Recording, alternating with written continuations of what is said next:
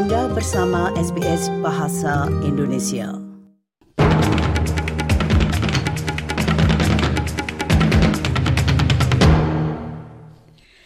Warta berita SBS Audio untuk hari Rabu tanggal 4 Oktober. Sari berita penting hari ini, sindikat kriminal menggunakan sistem migrasi Australia untuk memfasilitasi perdagangan manusia. Sejumlah orang ditembak di sebuah universitas Amerika Serikat di negara bagian Maryland dan dalam bidang tenis, Mark Polmans didiskualifikasi dari ATP Tour 1000 Shanghai Masters. Berita selengkapnya. Sebuah tinjauan terhadap sistem migrasi Australia menemukan bahwa sindikat kriminal menggunakannya untuk memfasilitasi perdagangan manusia, perbudakan modern, pekerja seks ilegal, impor obat-obatan terlarang, dan pencucian uang. Ditemukan juga bahwa pekerja migran sementara mempunyai risiko yang tinggi untuk dianiaya dan dieksploitasi oleh majikan mereka. Hal itu hampir menjadi ciri desain sistem imigrasi. Sementara pelaku kejahatan didorong untuk mengajukan semakin banyak lamaran yang tidak asli, perlindungan karena waktu pemrosesan visa yang diperpanjang. For the first time, um, in addition to investing $50 million in resourcing that came through the last budget, we will integrate all of the different pieces of the puzzle that are involved in making sure that criminals cannot exploit this system. Polisi mengatakan banyak orang telah ditembak di Morgan State University di Baltimore, Maryland. Departemen Kepolisian Baltimore mengatakan para petugas berada di tempat kejadian pada hari Selasa di tengah situasi penembak aktif di kampus yang dulunya merupakan kampus kulit hitam. Kebakaran hutan berkorbar di kawasan Katici, Teluk Baraga, Murah, bunga dan golden head. Tingkat kewaspadaan terhadap kebakaran kini telah diturunkan seiring dengan meredanya kondisi di lokasi kebakaran. Petugas pemadam kebakaran dan pesawat masih berupaya memadamkan api.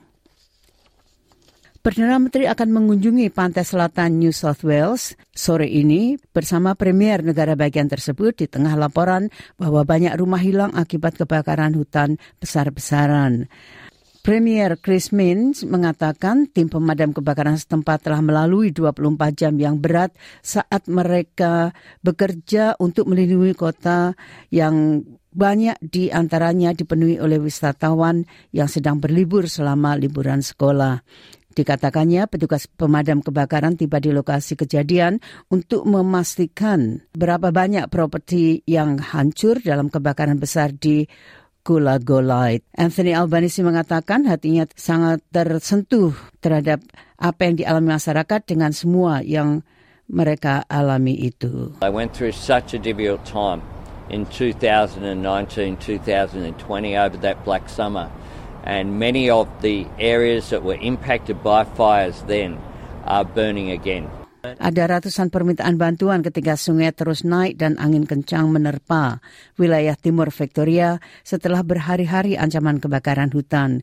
Kebakaran di Briagalong dan Loch Sport telah diturunkan menjadi peringatan dengan fokus kini beralih ke barat ke daerah-daerah yang berisiko banjir setelah banjir selama dua hari terakhir.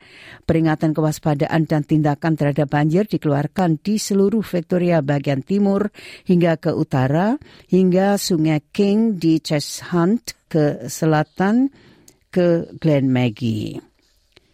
Pemerintah New South Wales tidak berencana mengikuti jejak Victoria dengan mengenakan pajak atas properti kosong meskipun Premier negara bagian tersebut mengakui bahwa penduduknya menghadapi krisis perumahan yang tidak ada bandingannya. Premier Chris Minns mengatakan pemerintah hanya fokus untuk menambah pasokan ke pasar perumahan sehingga solusi terbaik terhadap kekurangan yang menimpa semua orang mulai dari tunawisma hingga penyewa dan pembeli rumah. We've made many changes in relation to housing in New South Wales, everything from short-term stays on the New South Wales North Coast to build to rent on the New South Wales North Coast and South Coast to planning and regulatory changes for metropolitan development. Seorang pria telah meninggal dan seorang wanita berada dalam kondisi kritis setelah pasangan tersebut ditemukan dengan luka tembak di sebuah rumah di pinggiran utara Darwin. Pria dan wanita tersebut sedang menjalin hubungan rumah tangga dan yang lainnya berada di rumah saat penembakan terjadi. Polisi Northern Territory mengatakan masih terlalu dini untuk menentukan apakah insiden tersebut terkait dengan kekerasan dalam rumah tangga meskipun mereka tidak mengantisipasi perlunya melakukan penangkapan. Crime scene was established and an investigation has commenced into regarding the circumstances. Whilst the investigations are both in regards to both incidents are in their infancies, they do not appear to be related. Firearms have been located at each scene and there does not appear to be any danger to the public.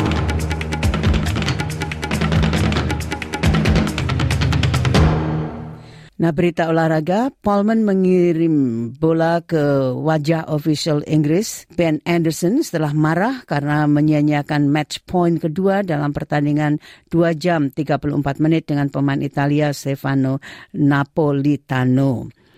Itu adalah tayangan ulang virtual dari insiden yang melibatkan Dennis Spab Shapovalov dari Kanada selama pertandingan Piala Davis melawan Inggris pada tahun 2017.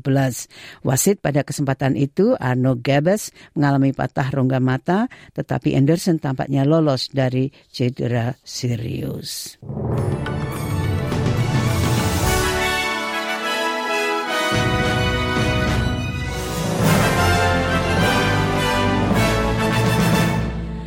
Nah sekali lagi sari berita penting hari ini, sindikat kriminal menggunakan sistem migrasi Australia untuk memfasilitasi perdagangan manusia. Sejumlah orang ditembak di sebuah universitas Amerika Serikat di negara bagian Maryland dan dalam tenis, Mark Polmans didiskualifikasi dari ATP Tour 1000 Shanghai Masters. Sekian Warta Berita SBS Audio untuk hari Rabu tanggal 4 Oktober. Sukai,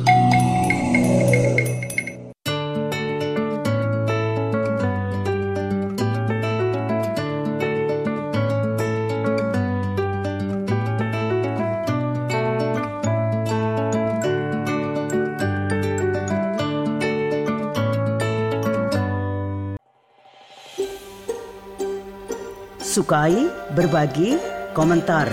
Ikuti SBS program Bahasa Indonesia di Facebook.